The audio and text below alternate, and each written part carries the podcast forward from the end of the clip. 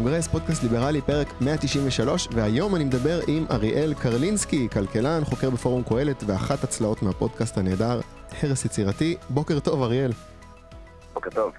Uh, אני מודה, הרבה זמן רציתי לראיין אותך, uh, חיפשתי תירוץ, יש לי שני תירוצים uh, לא רעים, ועשינו את השיחה הזאת כבר אתמול האמת, רוצה לחשוף בפני המאזינים, ובערך ככה לקראת הסוף גיליתי שלא הקלטתי את השיחה, אנחנו עושים שחזור של השיחה, אני בטוח שמעניין בדיוק כמו שהיה אתמול. Uh, הייתי בתירוצים שהביאו אותי uh, uh, להזמין אותך לראיון. התירוץ הראשון זה פאנל SFL המצוין שהשתתפת בו בנושא מדיניות ממשלתית בזמן קורונה. מי שלא שמע עדיין, למה אתם מחכים? אתר פורת נתן לי את האישור להעלות את זה פה בפלטפורמה של הפודקאסט, פרק 192. הפוזיציה שלך בפאנל הייתה מצחיקה קצת לעומת זאק ויונתן אוקון. אתה היית הקומוניסט, כמובן לא, לא קטע קומוניסט, אבל לידם הרבה אנשים נראים קומוניסטים. אמרת שם משהו שתפס לי את האוזן. דיברתם על החוב שמדינה יוצרת בזמן המשבר קורונה שאנחנו חווים. Uh, אני מסתכל על החוב הזה בדאגה, אני תוהה אם יש איזשהו משבר כלכלי שהחוב הזה טומן בחובו ביום שאחרי המגפה, כשינסו לטפל בחוב הזה. Uh, אתה אמרת, ואני אקצין את זה קצת, שבסיטואציה של הקורונה, חוב זה דבר טוב, זה מצוין, זה עדיף על האלטרנטיבה. אני רוצה שתסביר לי את העמדה הזאת, למה, למה כניסה של ממשלה לחוב בתקופה כזאת זה דווקא אולי בסדר גמור. אוקיי, אז קודם כל בוא, בוא לא נקרא לזה חוב, כן? בוא נעשה מסגור מחדש, בוא נקרא לזה אשראי. אשראי זה מילה עם קונוטציות קצת יותר טובות לדעתי מחוב, וזה בדיוק אותו דבר. Mm-hmm. אשראי מאפשר לך להשקיע ולצרוך מעבר ליכולת הנוכחית שלך, או יותר נכון, הוא מאפשר לך לצרוך נגיד היום על חשבון העתיד שלך. כן? איך זה למשל, אתה יודע, שסטודנטים אה, שאין להם עבודה, או שהם עובדים, אתה יודע, במלצרות, כשזה עוד היה בעולם שלפני הקורונה, mm-hmm. איך זה היה שהם היו, אתה יודע, גרים בדירות שהן לא כאלה קטנות, ואוכלים במסעדות, ואוכלים הרבה במסעדות ובתי קפה. זה בגלל שהם בעצם אמרו לעצמם, טוב, אחרי הלימודים, אחרי התואר, אחרי שאני אעבוד אה, באופן מקיף יותר, ההכנסה שלי תהיה גבוהה יותר. ובמקום שעכשיו אני אחיה כמו כלב, מה שנקרא, ומחר אני אחיה יותר טוב, אז אני לוקח חלק מהרמת חיים שלי ממחר ומביא אותה להיום. אמ, עכשיו, עם המשבר הקורונה, אנחנו במצב בעצם אה, מאוד דומה. הרמת חיים כרגע של כולם, בגלל שהייצור, התפוקה של כולנו מאוד ירדה, ורמת חיים ירדה, ומחר, מחר בגרשיים, כן, אחרי הקורונה, יהיה יותר טוב. אבל במקום עכשיו לחיות ברמת חיים מאוד מאוד נמוכה, כל, בעיקר אנשים, אתה יודע, שאיבדו את מקום העבודה שלהם, או שאסור להם לפתוח את העסק שלהם וכדומה, אז אנחנו נותנים להם קצת, אה, מה שנקרא נזילות, או כסף לעכשיו, כדי שהם יוכלו לשלם שכר דירה ולקנות אה, אה, אוכל הביתה, וזה בוודאות על חשבון מחר. כלומר, מחר יהיה פחות טוב, אם לא, מאשר אם היינו עושים את זה. אבל היום המצב יהיה קצת יותר טוב, אם אנחנו באמת ניקח הלוואה מהעתיד. זה למה אני חושב שכרגע זה מצב מאוד טוב לעשות את זה, או זה פשוט אלטרנטיבה יותר טובה, כמו שאם אתה עכשיו במלחמה, זה בסדר לקחת הלוואה מהעתיד בשביל לרכוש עכשיו טנקים שיעזרו לך לנצח במלחמה. כן, אבל זה, זה, בהנחה, ואתה יודע, אתה נתת את הדוגמה הזאת של, של בן אדם אחד, ש, שהיום אין לו עבודה והוא סטודנט, והוא מחר תהיה לו עבודה והכל יהיה בסדר. אבל אני לא יודע, אני מסתכל על המשק, לא בטוח שנחזור לעצמנו ותהיה אותה רמת הכנסה שהייתה אה, קודם. אני רוצה בעצם לשאול, באיזה נקודה החוב הזה שאתה לוקח על עצמך, אתה יודע, זה ביס גדול מדי בשביל לבלוע. כן, אז, אז, אז קודם כל כמעט בטוח שאנחנו לא נחזור מאוד מהר. בהתחלה היו הרבה אנשים שהם, אה, מה שנקרא, באמת מאוד אופטימיים, כי, כי זה נראה בהתחלה שאתה יודע... משבר הנגיף, אתה תהיה עכשיו באיזה סגר או משהו כזה, נגיד, לא יודע, כמה שבועות, ואז זהו, כן? ואז הכל חוזר בדיוק כרגיל. Mm-hmm. אני חושב שגם אם באמת, אתה יודע, מחר כזה כולם מתחסנים וכל זה, אני לא כל כך בטוח שזה יקרה כל כך מהר, כי עדיין תצטרך אה, רמה מסוימת של אה, ריחוק חברתי. תעשיית התיירות הבינלאומית למשל, אני די פסימי לגביה, כן. כי יכול להיות שמחר אנחנו נגלה, אתה יודע, את קורונה 2.0, או משהו דומה. Mm-hmm. אז אני, אני לא חושב שמחר פתאום הכל יהיה בסדר, ואז, אה, ואז זה בסדר שלקחנו הלוואה מהעתיד. זה נכון mm-hmm. שאנחנו יכולים להיכנס ליותר מדי חוב, אה, שלקחנו בעצם יותר מדי אשראי, כמו, ש... כמו שבן אדם רגיל יכול לקחת הלוואה גדולה מדי, שהוא בעצם בסוף לא מצליח להחזיר. התקווה היא שנצליח להחזיר. איזה... אנחנו... זהו, מה האינדיקציה שבאמת שאנחנו נכנסים פה לחוב שהוא יותר מדי גדול? איך נדע שאנחנו שמה? אוקיי. אמ, אז דבר כזה אני צריך להגיד, קודם כל, שאם אנחנו לוקחים עכשיו נגיד אה, הלוואה של מיליארד שקלים, בריבית של, לא משנה, נגיד חמישה אחוזים, אז העלות של ההלוואה הזאת היא לא מיליארד ועוד חמישה אחוז, אלא היא רק חמישה אחוז, כי המיליארד נתנו לנו. אז uh, מי שמסתכל לפעמים בתקציב הפתוח וכל מיני מקומות כאלה, שליברטריאנים אוהבים להסתכל בשביל, תודה, להתעצבן, אז, uh, אז הוא יראה שהסעיף של החזרי חוב הוא סעיף ממש ממש גדול, הסעיף הכי גדול בתקציב. Um, אבל זאת לא עלות החוב, עלות החוב היא תשלומי הריבית. Um, אז, זה לגבי, לגבי העניין הזה. עכשיו, איך נדע שאנחנו, אתה יודע, אולי במצב בעייתי, כל כמה זמן ממשלת ישראל וכל הממשלות בעולם, ופירמות גם כן, הן עושות מה שנקרא מחזור חוב, כן? הן עכשיו צריכות להחזיר, לא יודע, מיליארד שקלים uh, בריבית, אז הן לפעמים אפילו לוקחות עוד הלוואה בשביל לממן את המיליארד שקלים האלה. Uh, השאלה היא מה העלות, מה העלות של הריבית הזאת. וכרגע שווקי ההון, גם לישראל וגם לפירמות אחרות וגם לכל העולם, uh, גוגל בדיוק גייסה עשרה מיליארד דולר בעלות הכי נמוכה שהיא אי פעם גייסה. זאת mm-hmm. חברה רווחית, כן, שהיא כביכול לא הייתה צריכה לעשות את זה, אבל זה מאוד משתלם לה פיננסית. אה, אז השאלה היא מה הריבית שהמשקיעים מוכנים לתת. וכרגע הריבית שמשקיעים מוכנים לתת למדינת ישראל, כסף, היא מאוד נמוכה. אה, נמוכה אפילו כאילו באופן כמעט מפתיע, כן? כי אתה תמיד תראה באמת אה, גם ליברטריאנים וגם שמרנים שבאים ואומרים, לא, שוק ההון לא ייתן, הוא, הוא, למה שהוא ייתן אם המדינה נמצאת בכזה בלאגן, ואתה יודע, והממשלה לא מתפקדת, ומעלים את הגירעון, עובדתית הוא נותן. עכשיו, הבעיה היא שיכול להיות שאתה יודע, עוד, אה, לא יודע, שנה-שנתיים, אנחנו נצטרך להחזיר חלק, מהחוב, חלק מהחוב, נבוא לגייס אה, הלוואה חדשה, ואז יגידו לנו, לא, אנחנו לא מוכנים לעשות את זה יותר בשלושה אחוזים, אלא רק בשישה אחוזים. זה סימן שאנחנו נמצאים בבעיה. ברגע ששוק ההון בא ואומר, אני לא מוכן לתת לכם בסכום כזה, כי אני חושב שאתם יותר מסוכנים ממה שאתם מציגים, זאת, אה, זה, זה יכול לבשר את תחילת, אה, תחילת המשבר, שיכול להיות גם משבר פיננסי, שזה מאוד בעייתי. אה, כל עוד זה לא קורה, אז מצד אחד פחות לדאוג, ומצד שני, כשזה כן קורה, זה הרבה פעמים... מאוחר מדי. טיפה מאוחר מדי, בדיוק. כן, זהו, זה כמו עסק שכאילו, אתה יודע, הוא בחוב, בחוב, בחוב, בחוב, ובאיזושהי נקודה הבנק מתחיל לקצץ את המסגרות אשראי שלו, אתה יודע. כבר, הוא כבר יודע שכאילו, יכול להיות שמשם אני לא רואה כסף. בדיוק, כשקיצצו לך את המסגרות אשראי, אז אתה יכול בוודאות להגיד, טוב, אני במצב לא טוב, אבל, אבל יש מצב שזה גם קצת מאוחר מדי. כן. אמ, אם הייתי, אם הייתי באמת יודע להגיד לך אה, מה האינדיקטור שאחריו אנחנו יודעים שאנחנו בבעיה, אז אתה לא הייתי מדבר איתך על זה, הייתי עושה איזה שורט, ועושה מזה המון כסף, אבל אני לא יודע. רק כדי לנעוץ את הנקודה הזאת, אני קורא מדי פעם פוסטים של אה, מכון יסודות, שכותבים על מה שאנחנו צריכים עכשיו דווקא בנקודה הזאת, זה דווקא להשקיע יותר כסף ולהיכנס לחוב יותר אה, אה, אה, גבוה. בוא, בוא, בוא תסביר לי רגע אם אתה חלוק איתם על הגישה הזאת שלהם, אם אתה מכיר את הפוסטים האלה שלהם. אתה יודע, שמראים גרפים כאלה יפים, שאנחנו ניכנס לחוב יותר גדול וזה בסוף ישתלם לנו. זה נשמע אותו טיעון בערך. כן, אני, אני, אני מכיר את זה. עקרונית, הם הולכים... זה לא, זה לא חוב, זה אשראי, זה השקעה בעתיד, זה אותם טיעונים. נו, בסדר, כבר אמרנו שאני קומוניסט, לא? כן, אמ, כן אני, מכיר, אני, מכיר, אני מכיר את הפוסטים האלה, הנקודה שלהם היא באמת, הם, הם כאילו אומרים, זה, זה כמו פירמה, פירמה עכשיו לוקחת הלוואה של מיליארד אה, דולר, בשביל, אה, לא יודע, להקים איזה מפעל, לשפר איזשהו מוצר, וייצר לה הכנסות של שני מיליארד דולר, ואז גם אין שום בעיה להחזיר את ההלוואה ואת העלות שלה, ואת עלות הריבית, וגם עשינו פה רווח. אז אה, בואו תגדיל את זה, אתה יודע, פי 10, פי 20, כן, קח הלוואה של 20, 30, 50, 100 מיליארד דולר, מה זה משנה? הצרה, הבעיה היא שחלק גדול, החלק הכי גדול בעצם של תקציב אה, המדינה, הוא לא השקעה. כלומר, הוא לא באמת מייצר איזושהי תשואה חיובית. יש דברים שכביכול כן, כמו תשתיות, למרות שאני טיפה סקפטי גם על זה. אבל uh, חלק גדול מהתקציב, מה הוא הולך? הוא הולך, אתה יודע, משכורות של, uh, לא יודע, של מורים, חיילים, שוטרים, עובדים סוציאליים. ובעשור, שני העשורים האחרונים אנחנו ראינו עלייה מאוד גדולה בתקצוב של המערכות האלה ובשכר של העובדים בתחומים האלה. אנחנו לא ראינו באמת שיפור בתפוקה שלהם, כן? זה לא שהגדלנו את תקציב החינוך באופן משמעותי, ועכשיו תלמידי ישראל יוצאים עם תוצאות טובות יותר, ככה שהם באמת, אתה יודע, מייצרים אה, יותר, וההשקעה הזאת מחזירה את עצמה. זה פשוט לא קורה.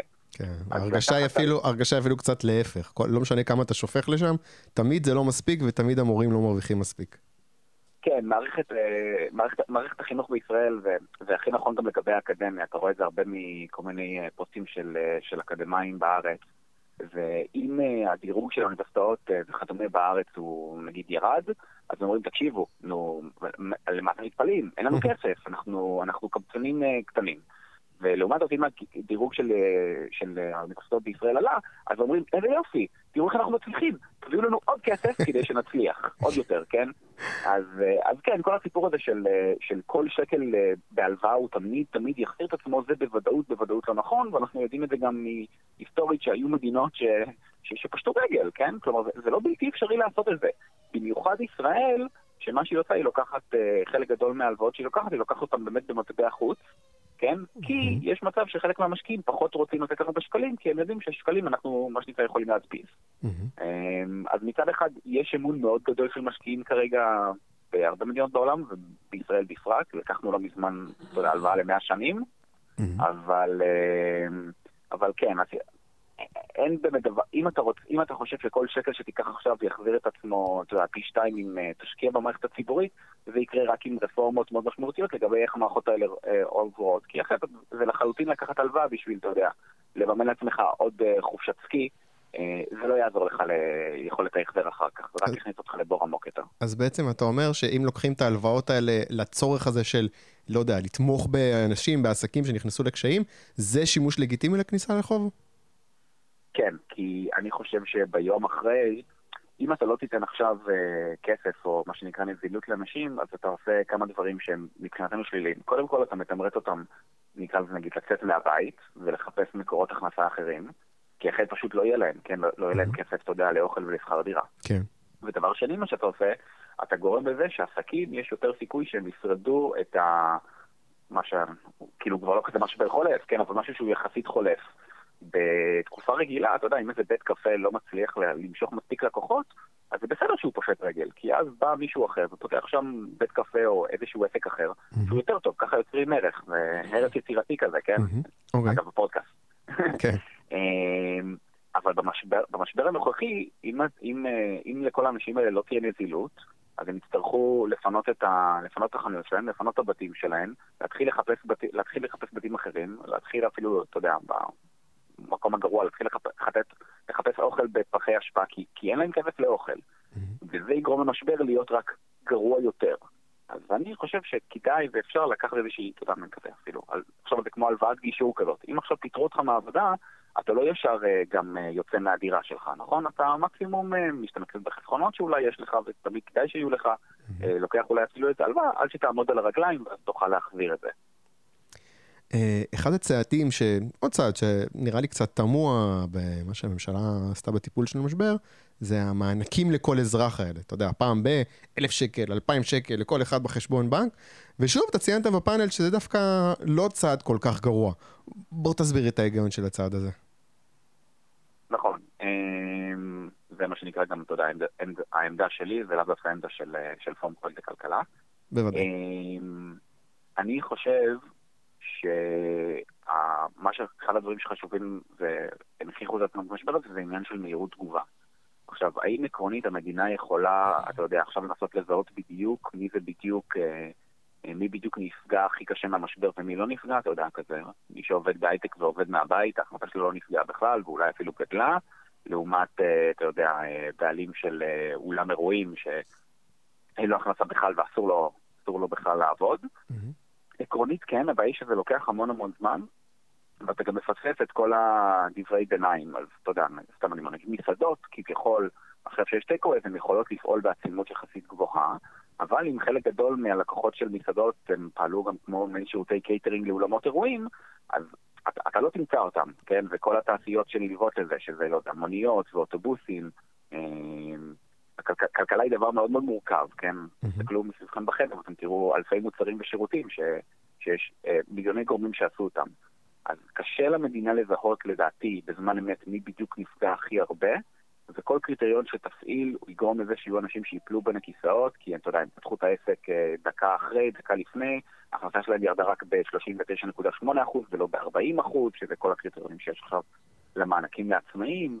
אמ, יש את כל התמרוץ הזה של הדמי אבטלה עד יוני 21, כן? אז אין שום סיבה שתחפש עבודה אם מבטיחים לך דמי אבטלה אה, עד 21. ומענק כזה שהוא אוניברסלי או תלוי במשהו שהוא, אין לאנשים שליטה עליו נקרא לזה ככה, כמו גיל או משהו כזה, הוא דרך מאוד יעילה להעביר להרבה מאוד אנשים אה, בדיוק את הנזילות שהם צריכים. צריך להגיד שהסכומים נמוכים. כלומר, אם היינו יכולים, אתה יודע, לזהות בוודאות את ה-500 אלף אנשים שהכי נפגעו במשבר, אז היינו יכולים לתת הרבה יותר כסף לכל אחד מהם, וזה היה יותר יעיל מאשר לתת לך 2,000 שקלים גם, שוב, אתה יודע, הייטקיסטים, נפ... ועובדי המגזר הציבורי, נגיד, שלא נפגעו בכלל במשבר. אבל זה לוקח זמן, וקשה לעשות את זה, אנחנו רואים שהמדינה לא עושה את זה כל כך טוב, ואני חושב שזה כן עדיף, אה, פלוס אפשר אולי אחר כך, אתה יודע, מעין כזה, לקחת את הכסף הזה בחזרה במס הכנסה או משהו כזה. כלומר, אנשים שכן הרוויחו מספיק כסף, וזה מה שעשו אגב גם בארצות הברית, אז בסוף השנה, בסוף השנתיים, יכול להיות שישנו אפילו את תקופת הדיווח מס, לך תדע, אה, אז הם, את רוב הכסף הזה הם יחזירו, פשוט כי ההחלטה שלהם מספיק גבוהה, שהמדינה, אה, נקרא לזה, לא יודע, ככה, שואבת את זה בחזרה. כלומר, זה לא דווקא כסף שמתבזבז אם נתת אותו לשרי אריסון. Hmm. אוקיי, הבנתי את ההיגיון. אה, אני רוצה עכשיו רגע סוג של לעבור נושא, לדבר שנייה על ביבי, ועל היחסים בין ביבי לבין חברים בקהילה הליברלית. אתה יודע, מהטווח הזה של חופש לכולנו תלך וכו'. אה, היחסים האלה תמיד היו קצת מתוחים, ההרגשה היא שביבי, שר האוצר של 2003, זה לא ביבי של היום, כבר הרבה זמן. התחושה שלי שהטיפול שלו במשבר קורונה הזה קצת העלה מדרגה את הניתוק הזה. ההרגשה היא שמלבד אולי הליברלים בליכוד, וגם שם אני לא בטוח כמה זה המצב אצל כולם, הקהילה הליברלית מתנערת לחלוטין מה, מהליכוד, מביבי, יש שם את שרן השכל, זה לא מספיק, זאת ההרגשה שלי. השאלה היא אם לדעתך הליכוד, ביבי, יכל אה, לעשות יותר במובן של uh, כלים פחות דרקוניים מאלה שהוא uh, נקט בהם, אתה יודע, דברים שהם סדין אדום בשביל, סדין אדום בשביל uh, ליברלים, סגרים, איכון של טלפונים, כמובן כניסה לכל החובות האלה. מה אתה חושב, הליברלים uh, בצדק uh, ברוגז במרכאות עם הליכוד, או שבהינתן המגפה זה בסופו של דבר פחות או יותר מה שכולם היו עושים? כן, אז אמ, יש את המשפט המפורסם הזה של צ'רצ'יל, שדמוקרטיה זו שיטת השלטון הגרועה ביותר חוץ מכל האחרות, אז, אז, אז, אז כבר הרבה זמן שביבי הוא... ביבי והליכוד הם פשוט, הם הכי, הם הכי גרועים חוץ, מ, חוץ מכל האחרים. באיזשהו מקום. אמ, אני חושב שהיו דרכים פחות, אה, לא יודע, נקרא לזה אוטוריטריות אה, להתמודד עם המשבר. אני כן בעד, בגרשיים, סגר, אני חושב שפשוט מה שאת צריכה לעשות בסגר זה דברים שונים, ודיברתי על זה בהרחבה באמת בפאנל ש... שהעליתם בפרק הקודם, בין השאר למשל, לעשות סגר מבחינה אזורית, כלומר זה שבאום אל-פחם או בבני ברק או אפילו בתל אביב יש uh, הדבקה בקהילה, לא אומר שצריך עכשיו uh, לסגור את באר שבע. סליחה, הבת שלי בדיוק נכנסה. אוקיי, בסדר, אז אתה חושב כאילו שה... שבעצם כל אחד אחרי עושה יותר גרוע, אז אנחנו צריכים קצת לסלוח לביבי? אולי אפילו להצביע לו? אז יש בו, אז, אז, אז פה כאילו אני מתחלק לשתיים. מצד אחד, אני מסתכל גם, תמיד זה בחירה בין אלטרנטיבות, בטח לדמוקרטיה. אני מסתכל על, על, על האלטרנטיבות, ואז אני רואה מצד אחד יש לך נגיד את uh, פייגלין, שרוצה בכוונה שאנשים ידביקו אחד את השני, כי ככה אתה תפתח uh, חסינות עדר, uh, והוא חבר למתנגדי חיסונים, שזה מהאנשים המסוכנים ביותר בעולם מבחינתי. אה, ואז מצד שני יש לך, נקרא לזה נגיד את היותר שמאל, שמה שהם אומרים, אה, אנחנו היינו מנהלים את זה באופן נורא מקצועי. איך הייתם עושים את זה? זה היה מקצועי. כן, שזה כמו, אתה יודע, כזה בעד הטוב ונגד הרע. אבל אני מסתכל גם מסביב לעולם, ואני רואה שמלבד באמת אה, קומץ מדינות, אה, נראה שכולם די, די נפלו בכל העסק הזה. כלומר, גם צרפת וגם הולנד וגם אנגליה, וכל המדינות האלה שניסו כאילו לא לגמרי לעשות, אה, אתה יודע, סגר מאוד קשוח כזה, סטייל אה, ניו זילנד עד שמגיעים לאפס הדבקה בקהילה, mm-hmm. אז גם הם לא הצליחו לעשות את זה אזורי, או לא הצליחו להעביר מספיק נזילות, או כן השתמשו בקטיעת שרשראות אה, הדבקה לא יעילות. אתה יודע, המצב גרוע די בכל העולם, אז אני לא חושב שזה אשמת ביבי, ואני לא חושב שהסגר הוא פוליטי ודברים כאלה. אבל ביבי גם קצת שם כנראה בצדק מבחינה פוליטית את הליברלים במלכוד כזה, כי הוא יכול אה, באמת אה, להיות, אתה יודע, אפסילון מקומוניזם, ותמיד להצביע ולראות, ולהגיד, תראו, כל האחרים הם, הם, הם ממש קומוניסטים, כן? אז כן. תצביעו, אז... אה, הוא לא צריך להיות, הוא לא צריך להיות uh, ליברלי, הוא צריך להיות uh, הכי, הכי ליברלי ממה שיש. זאת אומרת, הוא צריך להיות הסמן נכון, הכי ימני. וזה לא קשה. מכיוון שמה שיש הוא מאוד מאוד מאוד שמאלה, אז הוא יכול להיות באמת אפסילון ימינה מזה, ואנחנו... וזה די, די ברור שכל מי שנמצא באמת מאוד ימין מבחינה כלכלית, אז, אז, אז לא יודע אם הוא האופציה היחידה, אבל הוא, הוא, הוא, הוא עדיין אופציה, אופציה ולידית. ששוב, מבחינה פוליטית זה הגיוני. זה כמו שאתה יודע, ה base של טראמפ, או ה base של המפלגה הדמוקרטית, הצביע למפלגה הדמוקרטית גם אם הם הלכו מאוד מרכז. כן? כי, כי, כי האלטרנטיבה היא, היא בדיוק בכיוון ההפוך. Mm-hmm. הבעיה היא שזה הפך לזה שבעצם אין שום יכולת להפעיל עליו שום אה, לחץ, אה, לחץ פוליטי. אין לך שום מנופי לחץ עליו, אתה תבוא ותגיד כזה, מה אתה תגיד לו? אם לא, אתה יודע, אם לא תאשר את, לא תאשרו את אובר לא נצביע לכם, אז למי תצביעו? תצביעו ישירות לניסנקורן? אתה יודע, ניסנקורן זה הדבר הכי גרוע, אז אנחנו נצביע ישירות אליו.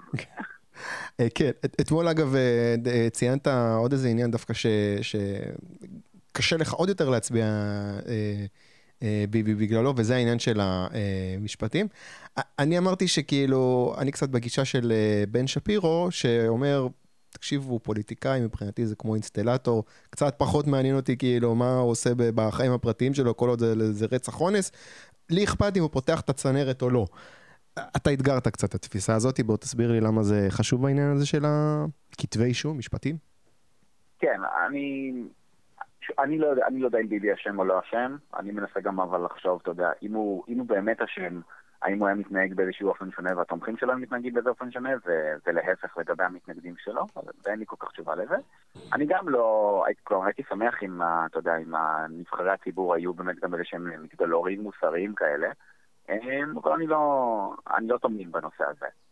אבל אם האשימו אותך, ונגיד שבאמת גם האשימו אותך באופן, אתה יודע, כוזב, ההשתלחות במערכת המשפט ומערכת החוק היא מאוד בעייתית, כי בתור מישהו שגם מתעסק בהיסטוריה כלכלית, אני חושב שחלק גדול מהעלייה של, אתה יודע, המערב, העולם המפותח, הקפיטליזם, הליברליזם, זה בגלל ששמנו גם את השלטון ומוסדות השלטון תחת החוק. כלומר, המשטרה לא יכולה לעשות כל מה שהיא רוצה, והמלך לא יכול לעשות כל מה שהוא רוצה, והפרלמנט לא יכול לעשות כל מה שהוא רוצה, ולהגיד החוקים האלה לא תקפים לגביי. אה, וכמו שכל אה, ליברל יודע לדקלם משנתו, שאתה יודע, שמפא"י היו נורא נורא מושחתים, אבל אז, אה, אתה יודע, לא יודע, קיבוצניקים כאלה היו באים ואומרים להם, כן, אבל תראו, הם בנו מדינה והם הצליחו, אתה יודע, הם עשו אינסטלציה טובה, אם לקחת את הדוגמה של בן שפירו. כן. ועדיין, השחיתות... והעובדה שמה שהם עושים לא היה לאינטרס הציבורי הכללי, אלא לאינטרס צר או שלהם או של אנשי שלומם, היא מאוד מדאיגה, והיא גורמת לזה שאני לא... אני לא בטוח שהם עושים שם דברים uh, בשבילי. כשביבי שולח, uh, אתה יודע, נבחרי ציבור של הליכוד, שיעבירו חוק רק בשביל לחסוך לו כמה מאות אלפי שקלים בתשלומי מס, וזה מלווה אותי. הוא בתור בן אדם פרטי, אתה יודע, בסדר, עורכי הדין שלו יכולים לעשות איזשהו משא ומתן או משהו כזה עם רשויות המס, להגיע אפילו לבית משפט, לא אכפת לי.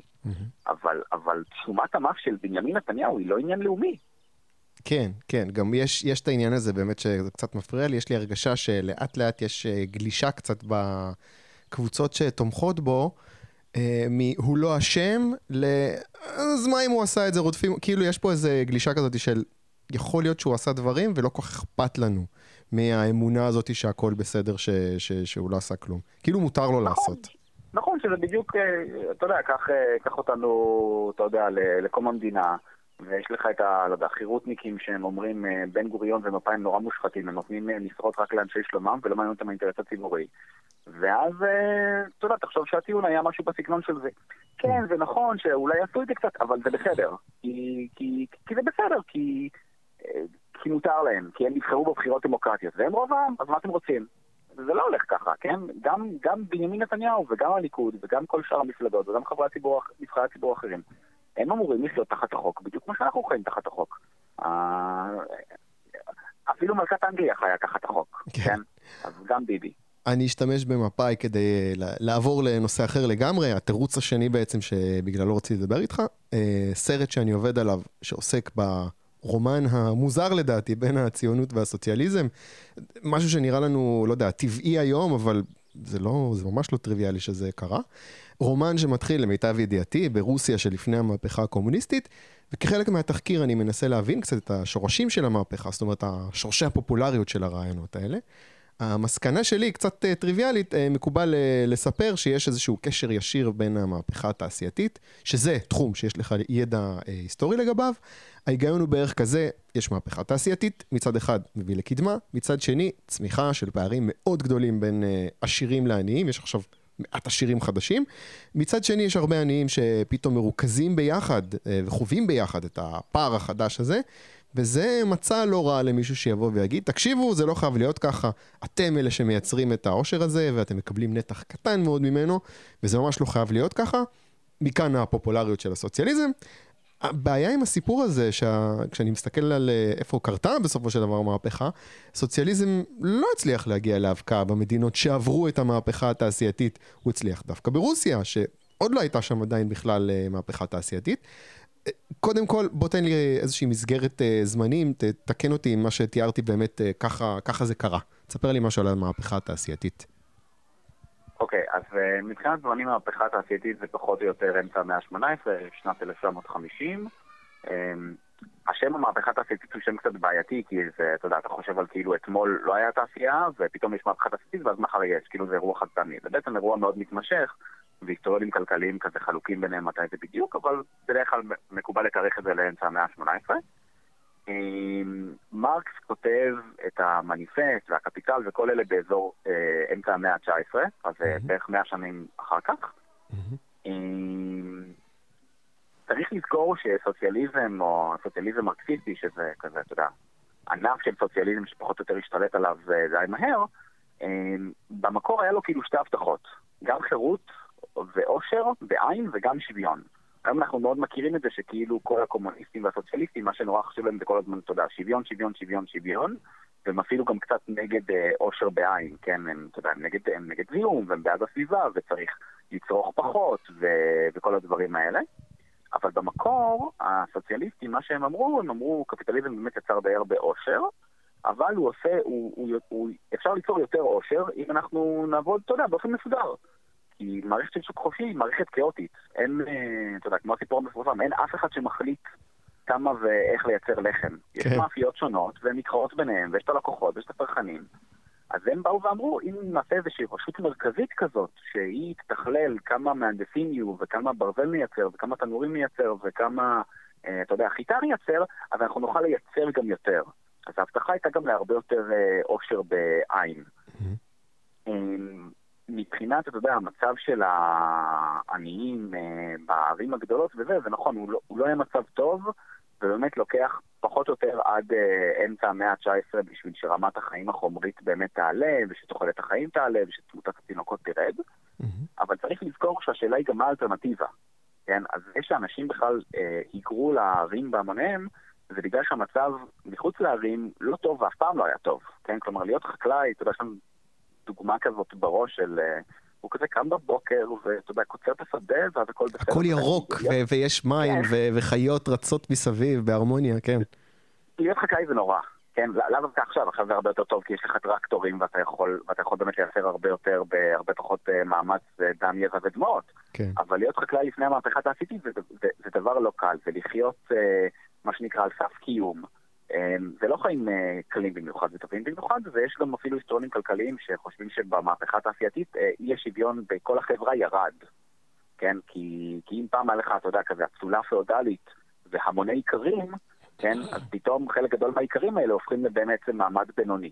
אז זה נכון שאולי יש שוויון בין העני ביותר לעשיר ביותר עלה, אבל התפתחה לך את השכבת ביניים הזאת, שבעצם כמעט לא הייתה קיימת לפני זה. זהו, באמת, אמ, אני חושב כאילו, המחשבה על תחילת המהפכה התעשייתית מבחינת הפועל, יש איזה דימוי כזה, אתה יודע, דימוי דיקנזיאני כזה של עוני נוראי שמכוסה בפיח ובחוסר קול, ואתה יודע, אתה משווה את זה באמת לעיקר שנמצא, הכל ירוק והכל... אה, אז, אז אתה אומר שהפועל הזה, אפילו ש... בוא נגיד, זה לא היה אסתטי כל כך, המצב החומרי שלו היה יותר טוב מאשר אה, עיקר אה, בשדה ליד? כן, בוודאות מוחלטת, אה, גם כי יש לנו, אתה יודע, אה, לא, לא, לא אם הייתי קורא לזה נתונים, אבל כל מיני אומדנים מחפירות ארכיאולוגיות ותיארוכים. ומידע היסטורי של נגיד באנגליה היה מידע היסטורי די טוב על הנושא הזה, התשובה היא כן, ואנחנו גם יודעים את זה ממה שנקרא העדפה נגלית. כלומר, אם זה לא, אם זה לא היה יותר טוב, הם לא היו עוברים לערים, או לפחות לא, לא כולם. הם היו נשארים אה, חקלאים מאושרים, אבל שוב, להיות חקלאי זה, זה, זה לא... בטח אז זה לא היה חמת חיים גבוהה במיוחד. כן היו גם כל מיני שינויים, אתה יודע, טכנולוגיים רפואיים כאלה, של אה, חיסלו את החולרה וחיסלו כל מיני מחלות, שפעם באמת לבוא לעיר היה מעין מלכודת מוות כזאת, כי אנשים היו נורא צפופים, וכמו עכשיו אתה עם הקורונה, פשוט העבירו אחד לשני מחלות. שלא היה איך לטפל בהם. אבל הדברים האלה הולכים uh, שלובים. עכשיו, מבחינת, uh, אתה יודע, למה, למה ברוסיה ולמה לא בעולם המערבי, אתה מתחבר פה, אולי גם אתה קומוניסט בעבר, אני לא יודע. לא. אתה מתחבר פה למסורת, למסורת ושאלה סוציאליסטית מרקסיסטית מאוד מאוד עתיקה. כי מרקס ואחרים, מה שהם ראו, הם ראו את האנושות עושה מעין כאילו תהליך אבולוציוני כזה, כן? אז היא מתחילה נגיד מציידים נקטיים, עוברת לחקלאות, עוברת, אה, שזה פאודליזם, עוברת לקפיטליזם, שזה שיפור, כן? כלומר, מרקס ראה את הקפיטליזם באופן יחסית חיובי, ואז אחר כך יגיע קומוניזם, ואחר כך גם אמור להגיע איזה אנרכיה קומוניסטית אה, אוטופית כזאת, בלי מדינה בכלל. Mm-hmm. אבל קפיטליזם היה כאילו שלב הכרחי ביניים. אמ, לנין וסטלין וכל מיני, וטרוצקי וכל האחרים, חלק גדול מהמאמץ האינטלקטואלי שלהם, במיוחד אחרי המהפכה, מהפכת אוקטובר המוצלחת, הוקדש ל... אתה יודע, כמו, כמו דיונים כזה בין אה, שמרנים לליברלים, או משהו כזה, לדיונים עם. עם סוציאליסטים אחרים, לזה שזה בסדר שהם עשו את המהפכה הזאת ברוסיה. כי באו ואמרו להם, אה, רוסיה מדינה מפגרת וחקלאית, אין לה תעשייה כמעט בכלל. מה... אין לכם שם מעמד פועלים, אתם פשוט, הם לא, הם לא בשלב אבולוציוני מתקדם מספיק. הם כל, המרקסיסטים כל הזמן חשבו על uh, גרמניה ואנגליה, ולפעמים גם על צרפת, mm-hmm. כמקום שצריך לקרות. אז גם הם כאילו קצת לא הבינו את זה, וכל הקומוניסטים ניסו להסביר להם, ניסו להסביר, כן, ניסו לתרץ את זה שלא, זה בסדר, זה מותר, זה אפשר, כן, יש מספיק תודעה מעמדית, או אנחנו נעשה כל מיני רפורמות שיביאו, נעשה טיוס מהיר, כדי שאחר כך נוכל לעשות את הקומוניזם uh, כמו שצריך. אה, מבחינת, אתה יודע, למה זה לא קרה באנגליה, גרמניה, אה, צרפת, ולמה זה כן קרה ברוסיה, סין ומקומות אחרים, אה, אני חושב שזה יותר שאלה היסטוריים, אתה יודע, צבאיים, כן? והיו, במדינות האלה היה ואקום שלטוני, והיו מוסדות, והמוסדות הדמוקרטיים או לא היו קיימים או היו מאוד חלשים. המפלגה הקומוניסטית ברוסיה לא נבחרה, כן? קודם כל המפלגה הקומוניסטית ברוסיה, השם המקורי שלה זה מפלגה סוציאל דמוקרטית, כדי שאנשים ידעו. כן. והיא לא נבחרה. המפלגה שנבחרה ברוב קולות בבחירות של 1917, הבחירות הראשונות לפרלמנט הרוסי, הייתה המפלגה הסוציאל מהפכנית, שהייתה מפלגה סוציאליסטית לא מרקסיסטית. אבל הבולשיביקים היו הרבה יותר מאורגנים, הרבה יותר אפקטיביים, הרבה יותר יעילים, הרבה יותר רצחניים, והם פשוט השתלטו בכוח. אז הם הצליחו להשתלט בכוח, וזה לא אומר, אתה יודע, ש, שזה היה חייב להיות ככה, כמו שאתה יודע, זה שהקתולים והפרוטסטנטים נלחמו אחד בשני בגרמניה, לא, לא אומר משהו על העליונות אה, של אחת מהשיטות אה, פירוש אה, התנ"ך אה, של, אה, של האחרים. אוקיי, okay, יופי, למדתי פה משהו. אה, דבר אחרון שאני רוצה שנדבר עליו זה המלצת תרבות, ספר, סרט, פודקאסט, אירוע שאתה רוצה אולי להמליץ עליו. אם לא חשבת על משהו עדיין, קח דקה ותן לי להמליץ לך על סרט בנטפליקס בשם מנק. זה סרט uh, של דיוויד פינצ'ר, סרט חדש בשחור לבן, מאוד מסוגנן, מושקע, על uh, בחור בשם הרמן מנקביץ', התסריטאי של האזרח קיין, סרט uh, קלאסי, uh, ועל המאבק שלו בדרך לכתוב את התסריט הזה. זה סרט שלמי שאוהב את המאחורי הקלעים של הקולנוע, יש שם איזה רומנטיקה על התקופת זוהר של הוליווד, שנות ה-30, 40. לא לכל אחד, אבל מאוד מושקע ומתגמל למי שבקטע.